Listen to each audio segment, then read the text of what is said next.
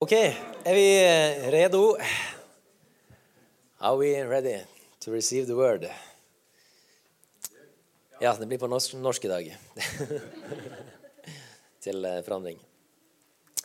I dag så har jeg lyst til å dele et budskap som eh, eh, heter 'Tro som flytter fjell'. For masse, masse år siden Eller det er relativt. For noen år siden, 2015-2016 eller noe sånt, så Eh, noen som flirer. De har levd lenge. Eh, eh, så skrev jeg en, en, eh, en, sang. Det var noe eh, som virkelig sånn grep tak i meg. Dette med tro som flytter fjell. For det er et sånn eh, jeg kan si et, et ordtak, eller et, det er jo et, fra Bibelen på en måte, noe som Jesus ofte spiller på, dette med at du har tro som kan flytte fjell. Og det er liksom veldig poetisk, egentlig. Så det egner seg godt til å være i en sang. Og så har den liksom eh, ligget og jobba i mange mange år. Har aldri eh, liksom gjort noe ferdig ut av den sangen. Men det er iallfall noe som ofte har, eh, har ligget på hjertet mitt eller i tankene mine. Dette med, med, å ha en sånn type tro. da. Og i dag så har jeg lyst til å brette litt ut det her med tro som flytter fjell.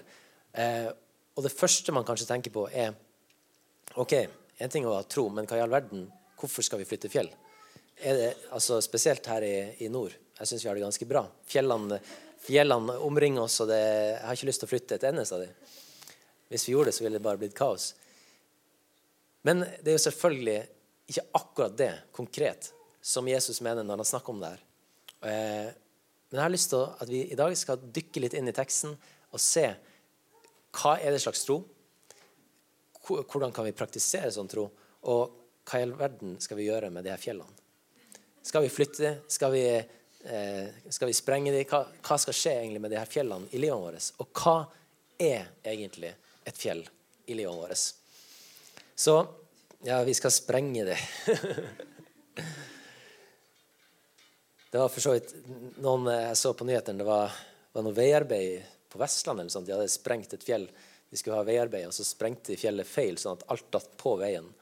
De, de, de, hadde trengt å være her i dag og høre hvordan man ordentlig flytter fjell her.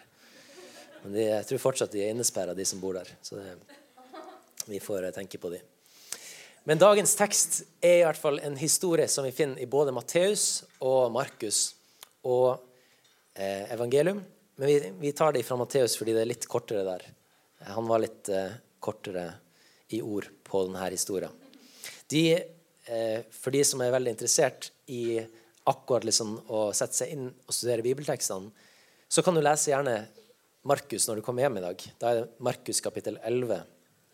Og så vil du se også at, at uh, de her historiene uh, de har litt forskjellige nyanser, litt forskjellige uh, perspektiv, egentlig. Og der Markus sier at det ene skjer dagen etterpå, mens i Matteus står det at det skjedde med en gang. Men det er ikke nøye her for det som vi skal snakke om i dag, men det er veldig interessant i forhold til hvordan vi ser at de forskjellige bibeltekstene er skrevet. Men la oss hoppe inn i Matteus kapittel 21, vers 18-22. Og der står det om Jesus. Da han tidlig neste morgen var på vei inn til byen, ble han sulten. Han fikk se et fikentre ved veien og gikk bort til det, men fant ikke annet enn blad. Da sa han til treet, aldri mer skal du bære frukt. Med det samme visnet treet. Disiplene undret seg da de så det, og spurte, 'Hvordan kunne treet visne så brått?' Jesus svarte dem, 'Sannelig, jeg sier dere, dersom dere har tro og ikke tviler, skal dere ikke bare kunne gjøre det som jeg gjorde med fikentreet, også om dere sier til dette fjellet, løft deg og kast deg i havet, så skal det skje. Og alt dere ber om i bønnene deres, skal dere få når dere ber med tro. Jeg mener noen som har lyst til å oppleve det. At alt du ber om i bønnene dine, at du skal få dem når du ber med tro. Hvem, hvem, har ikke lyst til å erfare det? Hvem har ikke lyst til å oppleve det her? Det vi ser i historien her, er jo Jesus på litt lavt blodsukker. Eh, han var et menneske fullt og helt.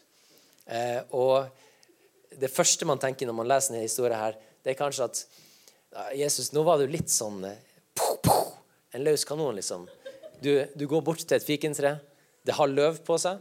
Eh, er, altså, Hvis du leser sånn bibelkommentarer og bibelstudier, så kan du lese veldig veldig mye om akkurat det med at fikentreet hadde løv på seg. Markus sier at det var ikke sesongen for fiken enda. Derfor var det ikke frukt. Noen tenker det. Man er litt uenig om Siden det ikke var sesongen enda, så ville det bety at folk hadde enda ikke plukka det, og derfor forventa Jesus å finne. Fordi folk var ikke der for å plukke ennå. Men det vi ser, det er rett og slett at det er løv, men ingen frukt på det her treet fiken så kommer frukten før løvet. Så derfor forventer egentlig Jesus å finne noe der. Men han kommer bort til det her treet som ser ut som det skal være noe frukt. Det gir seg ut for å være et fruktbart tre. Han finner ingenting, og selvfølgelig blir han sint. Jeg husker jeg kom, eh, vi satt eh, Vi var, hadde besøk sørfra, jeg og kona, og gikk på restaurant. På menyen utafor sto det én sjømatrett, og det var tørrfisk. Og det var det eneste vi ville ha. Vi gikk inn. Hadde de tørrfisk? Nei, det har vi ikke på menyen. Og sånn, det blir jo litt sånn Det var det eneste jeg ville ha. Nå må jeg spise pølse og potetmos. Og det er sånn Det vil jeg egentlig ikke ha. Du blir litt frustrert når du kommer med en forventning om noe på lavt blodsukker, og så blir det ikke møtt. Eh, Jesus han gikk bort til det her fikentreet med både et behov og med et håp, eller behov og en forventning. Det var en sult der som han trengte å få metta, få stilt. Og så var det også en forventning om å finne det han trengte. Og kanskje er det sånn du kommer hit i dag, med både en, en sult og en forventning. Du, du kommer kanskje hit med et, et uh, håp om at her skal det være en et eller annet å gripe tak i. Og jeg håper at du skal få i dag noe som stilner den sulten i deg. At du skal kjenne at, at det var mat her. Det var frukt det var et eller annet som du kunne ta til deg her i dag. Og vet du hva? Når vi da bruker Guds ord som fundament for all vår undervisning, så har jeg steintro på at du kommer til å få mat i dag. Fordi Guds ord det står at det vender ikke tomt tilbake, men det skaper akkurat det det var ment til å gjøre. Så hvis du kommer hit i dag med behov og et håp, så har jeg en god nyhet, og det er at du skal bli mett i dag. Så, men i hvert fall Jesus, som eh, verken får frukt eller blir mett, han gjør frustrasjon om til en trosleksjon. Og det er den leksjonen vi skal se på i dag. Han gir oss ganske klare linjer egentlig om dette med tro. Og han sier at har du tro uten tvil, så skal du få det du ber om. Vi skal ta og lese litt tidligere i Matteus, i kapittel 17. Og Der får vi den samme metaforen, men med litt andre vinklinger her. Matteus 17, 19-20. Da disiplene ble alene med Jesus, spurte de ham hvorfor kunne ikke vi drive den ut. Ok, her er greia. Disiplene til Jesus, etterfølgerne, sånn som vi, etterfølgere av Jesus, de hadde fått eh, det hadde kommet en mann med en gutt som hadde en, en ond ånd i seg. Og han tenkte at her er jo disiplene til Jesus, og disiplene tenkte at yes, selvfølgelig, vi har sett Jesus drive ut onde ånder. Dette kan vi også. Jesus har gitt oss autoriteten. Så disiplene ba om at den onde ånd skulle forlate ham, men det skjedde ikke. Og de ble jo skuffa. De tenkte at ok, er det liksom bare Jesus som kan det her? Har, har ikke vi fått det samme? Kan ikke jeg gjøre det her? Og så spør de da, da de var blitt alene med Jesus, hvorfor kunne ikke vi drive den ut? Og så svarte Jesus, fordi dere har så lite tro. Sannelig, jeg sier dere, om dere har tro som et sennepsfrø, kan dere si til dette fjellet, flytt deg herfra og dit. Og det skal flytte seg. Og ingenting skal være umulig for dere. Så igjen snakker han her om dette fjellet som skal flytte seg. Eh, jødene de hadde et, eh, et, ordtak, kanskje har de det fortsatt, at de sier om eksepsjonelle lærere Er noen eksepsjonelle lærere her inne i dag? Kom an. Vi har én eksepsjonell lærer. Ja, vi har en, en, en lektor. De sier om eksepsjonelle lærere at det er en som løfter fjell. En fjelløfter. Fordi de får vanskelighetene til å forsvinne. Jeg tror vi alle har opplevd det her på skole. At et konsept som egentlig er veldig vanskelig og abstrakt Hvis du har en eksepsjonelt god lærer, så klarer den å få vanskelighetene til å forsvinne med å forklare hvordan ting egentlig er. Og du sitter der, og plutselig går lyset opp for deg. Hei, det her er jo ikke så vanskelig. Sånn eh, tredjegradsligninger og alt sånne der forbrenninger. Det er ikke så vanskelig. Når du, bare, når du bare får det forklart, da flyttes fjellet, og vanskelighetene er borte. Så når Jesus sier det her, så er det interessant å legge merke til at han bruker sennepsfrø. Og sennepsfrø det er, man eh, regner det som et av de minste, aller minste frøene i verden. Men frukten av det blir et ganske, ganske stort tre. Um, det kommer på neste vers, men vi skal ikke ta det ennå. Men han sier her at dere kunne ikke gjøre det her fordi dere har så lite tro. Og jeg måtte tygge lenge på det her. Når Jesus sier at dere har så lite tro, og så går han over til å si at men hvis du hadde hatt tro som er sånn, da skal du kunne gjøre alt. Altså, jeg tenkte Er det her liksom, er det bare, et, er det bare for å eh, liksom, tease oss, for å erte oss litt, at han bruker det, li, det lille når han snakker om at de hadde lite tro, og derfor kunne de ikke? Hvis du har tro som et sennepsfrø, vil, si vil du da si at du har veldig mye tro? Hvis du sitter med den troa? Jeg vil kanskje tenke først at ja, ok, hvis jeg har tro som et sennepsfrø, da har jeg lite tro. Fordi det er så lite. Men Jesus han snakker her eh, ikke om at troa deres er for liten. Han snakker om at de har for lite av noe. Se her, Matteus 13. En lignelse til la han, en lignelse til la han fram. Himmelriket er likt et sennepsfrø som en mann tok og sådde i åkeren sin. Det er mindre enn noe annet frø, men når det har vokst opp, er det større enn andre hagevekster. Så det blir til et tre, og himmelens fugler kommer og bygger rede i greinene på det. Ok, Så det her lille frøet, denne lille troa, er da stor nok, det potensialet i det her lille troa, til å bli til et stort tre som fuglene kan komme og bygge rede i og få skygge fra sola. Så det, det her starta litt sånn i meg en, en prosess med å, å, klare å skille av lite og mye mot liten og stor. Er du med? Eh, vi snakker her her er, her er kvantitet. Har du lite tro, lite tro eller mye tro? Men her borte er vi på størrelsen av troa. Liten eller stor. Jeg tror ofte at vi kan ha veldig mye tro. Veldig masse av det. Vi tror at Gud er med oss hele tida. Men det er ikke alltid vi tør å stole på han i ting. Kanskje har vi veldig liten tro, men vi har veldig mye av det. Jesus sier her at du trenger ikke ha den største troa i verden. Du trenger ikke være den som roper høyest, den som er, står på eh, scenen og proklamerer ut dette skal skje. Dette har jeg tro for. Han sier at hvis du har en liten tro, så lenge den er genuin, så lite som et sennepsfrø, fordi det er potensialet i sennepsfrøet til å vokse seg stort. Så du trenger ikke være all over the place og ha tro for alle verdens ting. Du trenger ikke ha en kvantitet av tro. Du kan ha en liten, liten tro. Ok,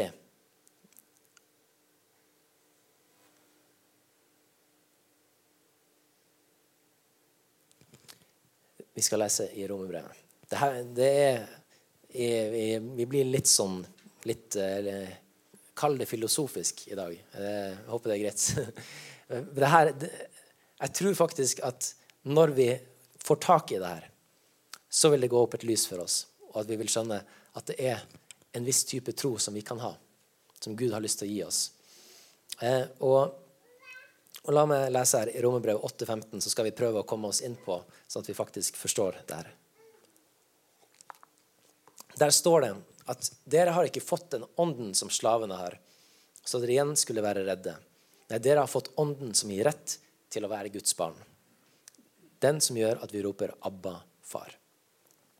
Ok, Så til alle kristne så har vi fått en ånd som ikke er en ånd som, sla, som slaver, men som frie, som Guds barn.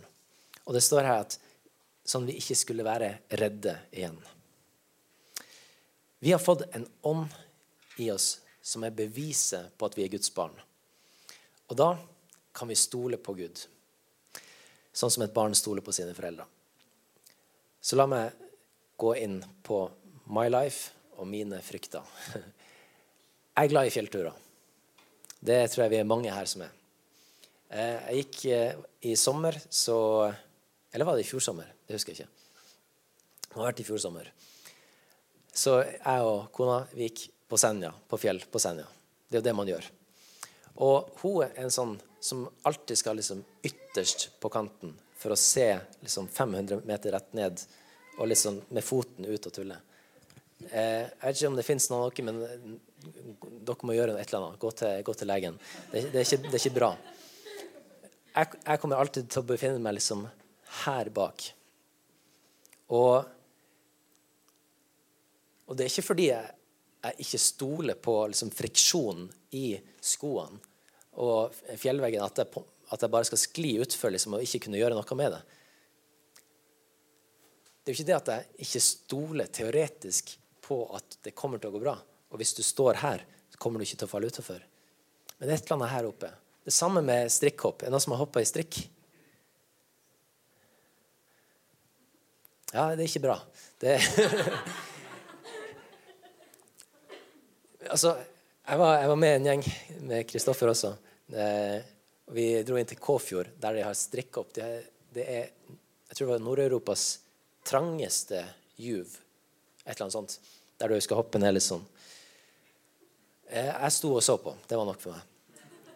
Og det er jo ikke det at jeg ikke stoler på de her folkene.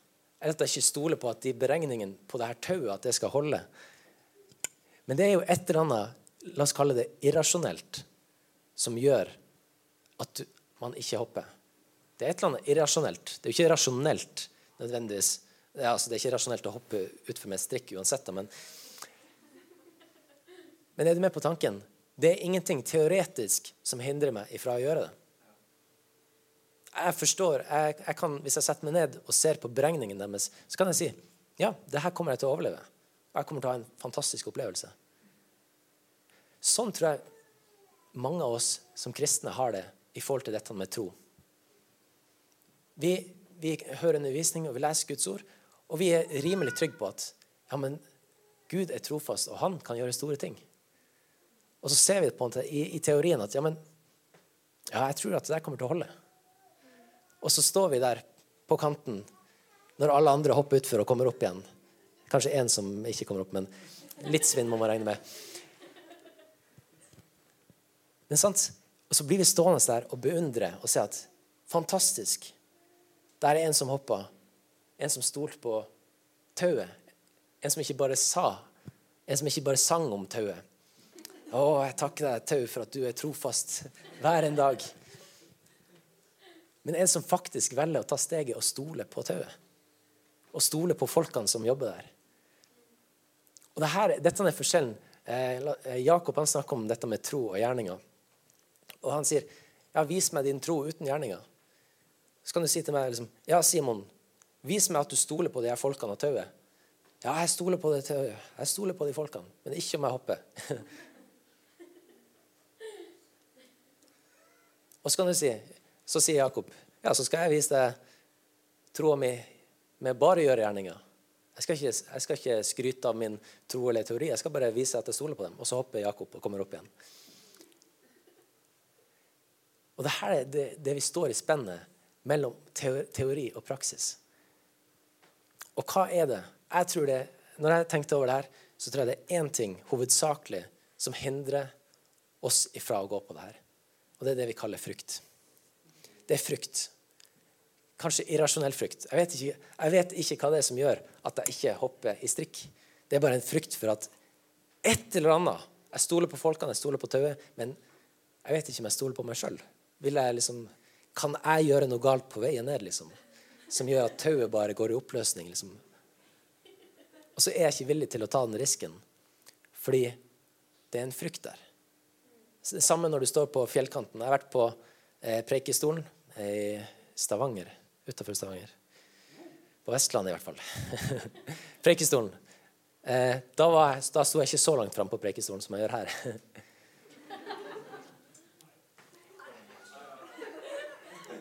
Jeg syns vi burde begynne med sånn trommis, sånn som de har i sånne eh, afroamerikanske kirker med litt sånn orgel og trommis som er klar til å alltid hjelpe meg med punchlines.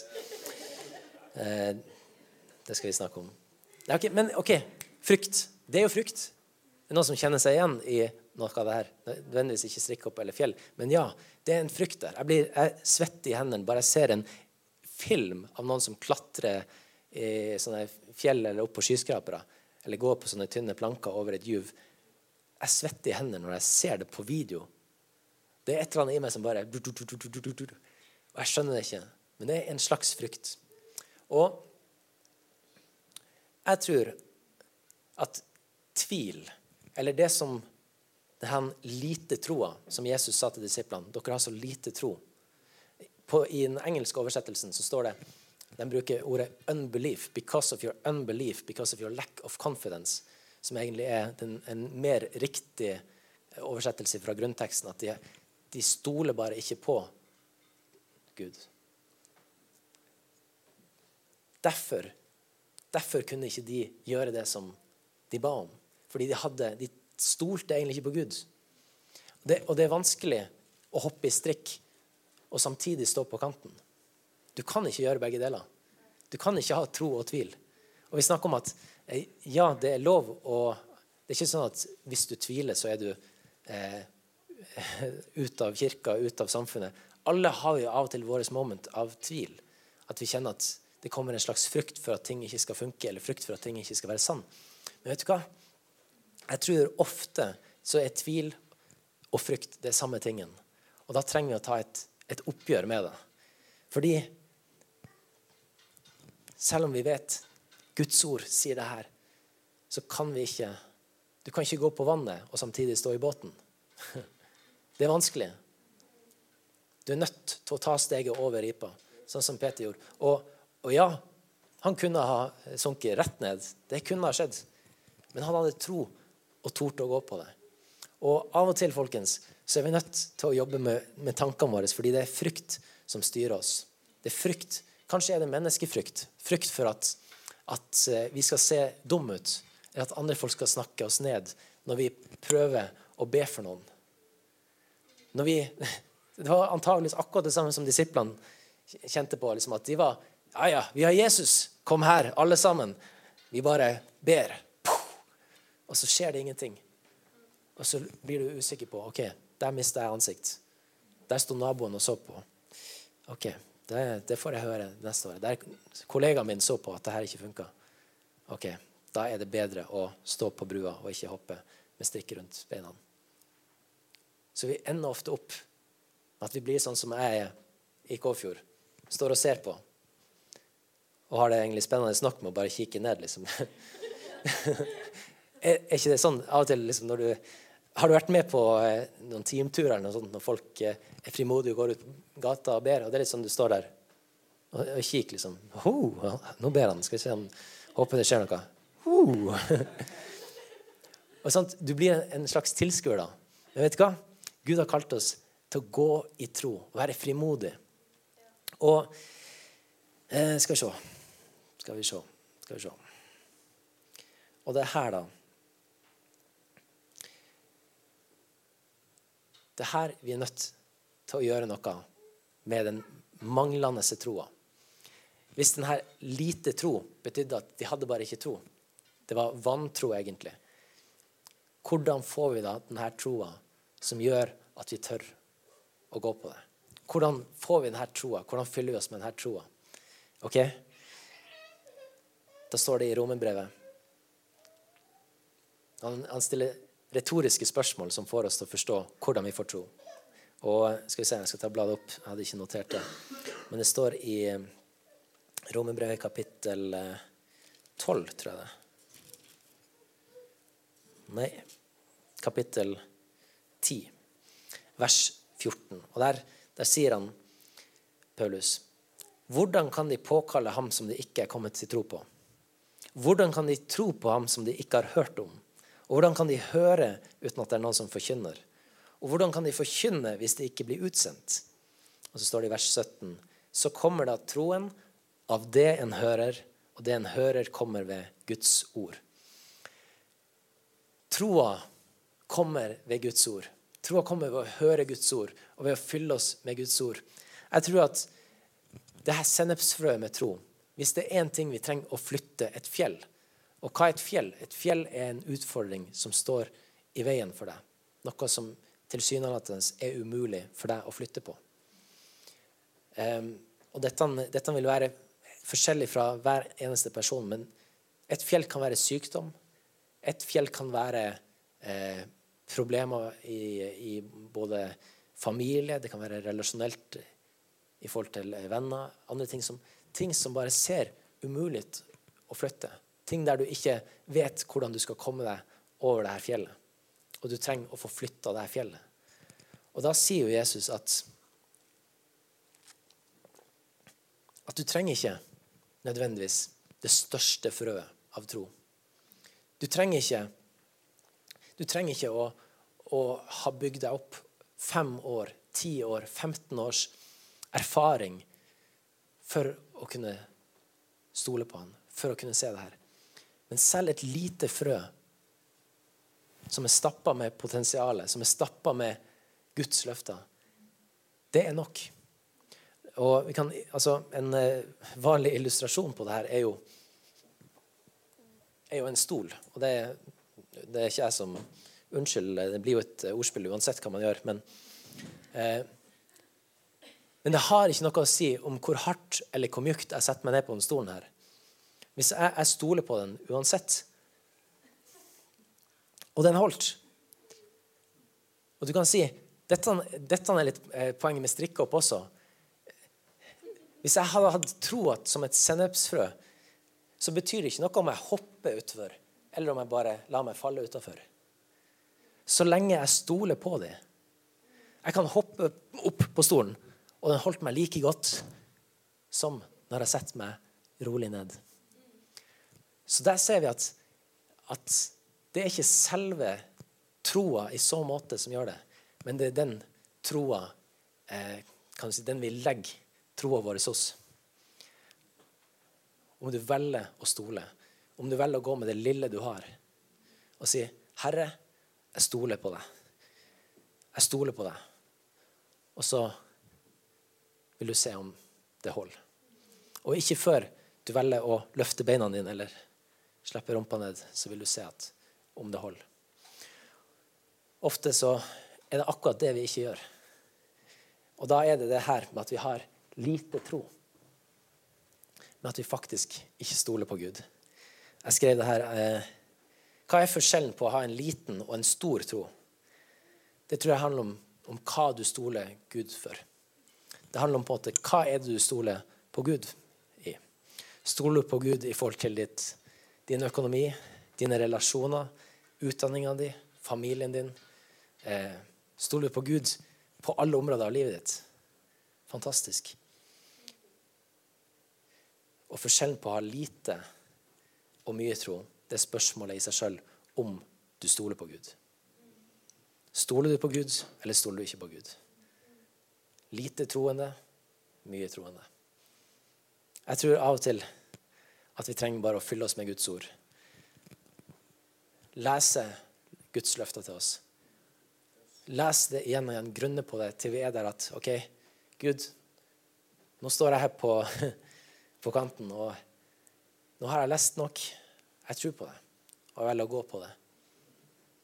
Jeg kommer ikke til å hoppe i strikk, det kommer jeg aldri til å gjøre. Men men jeg har lyst til å hoppe i strikk er Guds ord. Kanskje jeg må hoppe i strikk en dag. Vi får se. Det får bli del to av preken. Men er du med? Den troa som vi har, den trenger ikke være den mest grandiose så lenge troa vår er fundamentert på Guds ord, i Guds løfter til oss. Jakob han sier i kapittel 1, vers 5-8 om noen blant dere mangler visdom, skal han be til Gud som villig og uten å bebreide gir til alle, og han skal få. Men han må be i tro uten å tvile.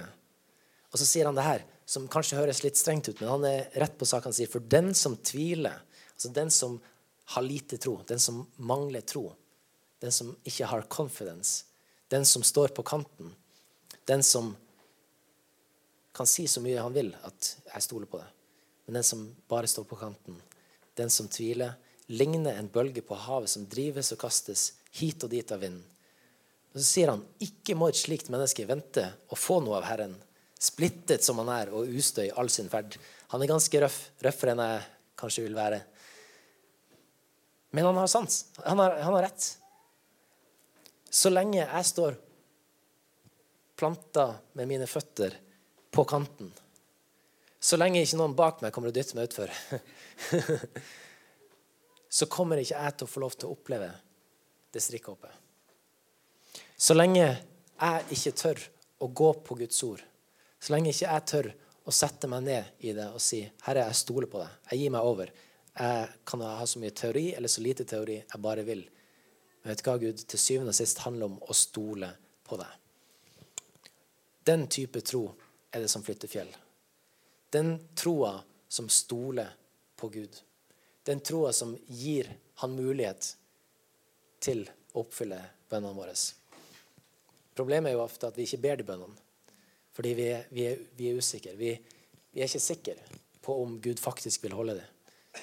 Så vi kanskje setter oss ned sånn på stolen da, men at vi har begge føttene godt planta, sånn at hvis stolen ikke skulle holde, så, så faller du ikke. For å falle ser dumt ut. Å falle det, det, er ingen som har lyst til å falle. Det er ingen som har lyst til å snuble eller se dum ut. OK? Hvis vi er redd for å falle, så vil vi aldri få oppleve fullt ut å kunne gå i Guds løfter. Og det, det, det, er, det er kanskje tungt å ta inn over seg. Det er kanskje tungt å, å fatte. Men det handler om det her å tørre å stole på Gud. Å tørre å stole på Guds ord. Og jeg har lyst til at vi skal prøve å falle litt mer. Vi kommer til å arrangere fellestur til Kåfjord og strikke opp neste uke. Nei, det kommer vi aldri til å gjøre. Men eh, kanskje.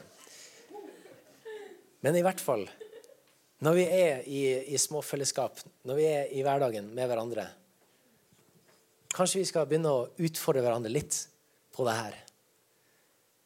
Jeg tror av og til vi har veldig godt av å stå sammen, to og to eller tre, fire. For når vi står sammen der, så kan vi si at OK, ja, men vi gjør det her sammen. Nå, nå har vi lest i Guds ord. Vi har sett hans løfte om de her og de her tingene. La oss holde fast på det og ha tro på det og stole på det. Og så går vi ut i det. Og faller vi, så faller vi sammen men vi kan ha, gå i tro til Gud. Og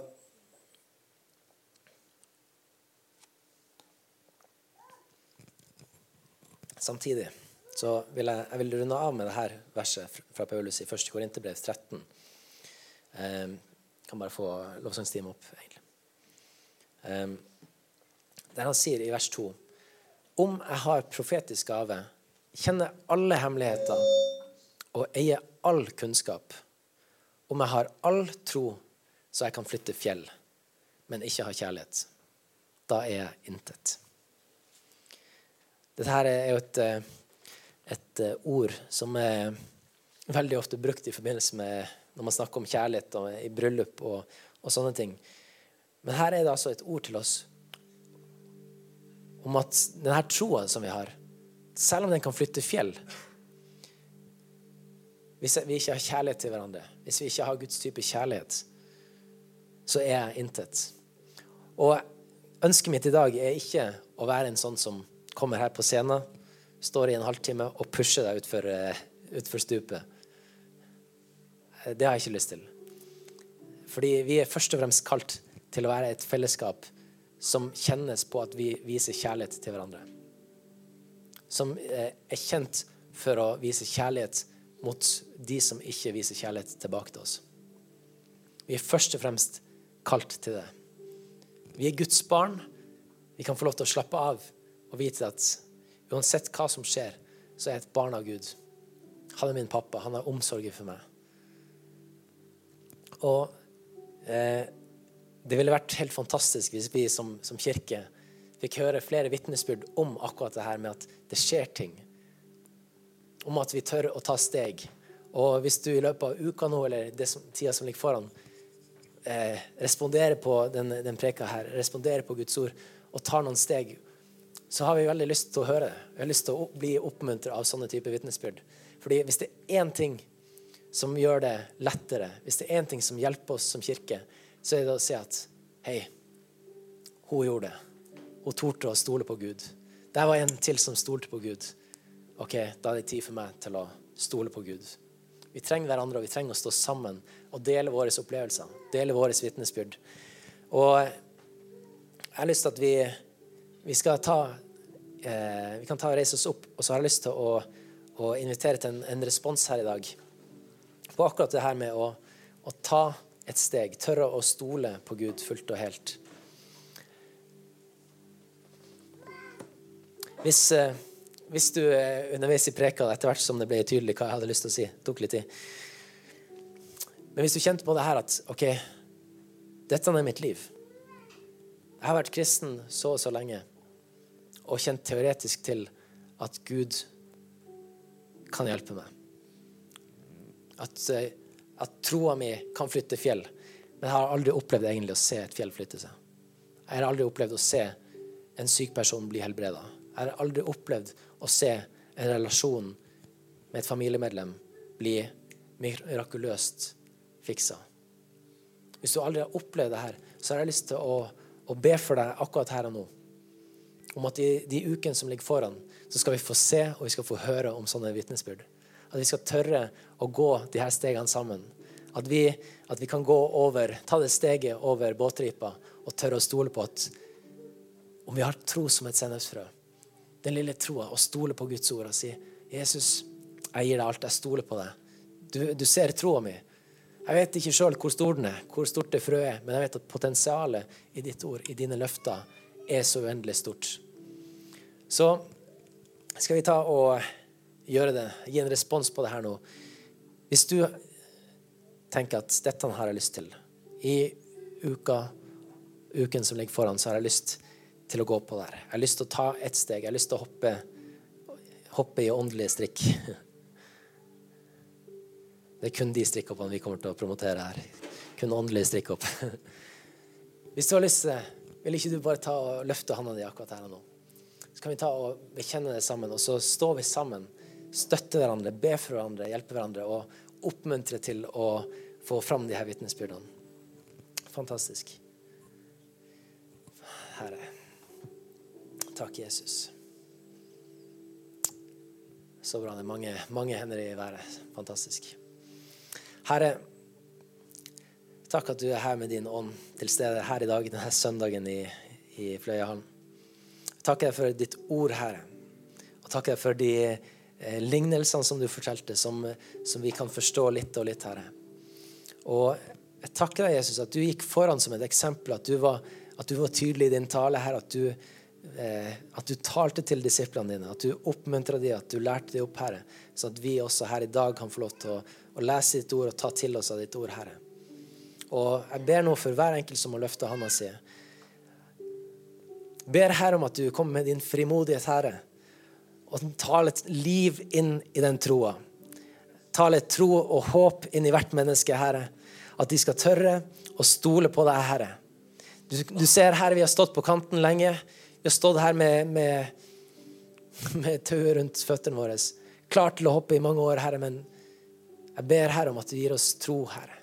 Fyll oss med din type tro, Herre. Til å stole på deg, Herre, til å tørre å gå et steg, Herre, med deg. I Jesu navn, Herre, ber jeg om din velsignelse over, over kirka her. Ber om din velsignelse over hvert liv, over hver relasjon, Herre. Og takker Herre for at vi skal få høre gode historier. At vi skal få høre vitnesbyrd om hvordan du har, har hjulpet, Herre. Hvordan du har mirakuløst løfta fjell. At du har løfta vanskeligheter bort. At du har åpna øynene våre, Herre. Ber i Jesu navn om det. Å, Jesus. Takk, Herre. Vi kan bare stå i, i tilbedelse. Vi skal synge en sang som, som handler om dette, at Gud flytter fjell. Og mens vi synger det, så bare vær frimodig og løft stemmen din. Be til Gud, snakk med han der du står. Og har du noe konkret som du tenker at dette trenger, jeg, dette trenger jeg hjelp til, dette trenger jeg å stå sammen med noen om, så kan du dele det gjerne med en, i, en som du stoler på, eller kom til meg, eller noen andre som du er trygg på. Så del det, og så kan vi ta og be sammen for hverandre, støtte hverandre. I Jesu navn. Amen.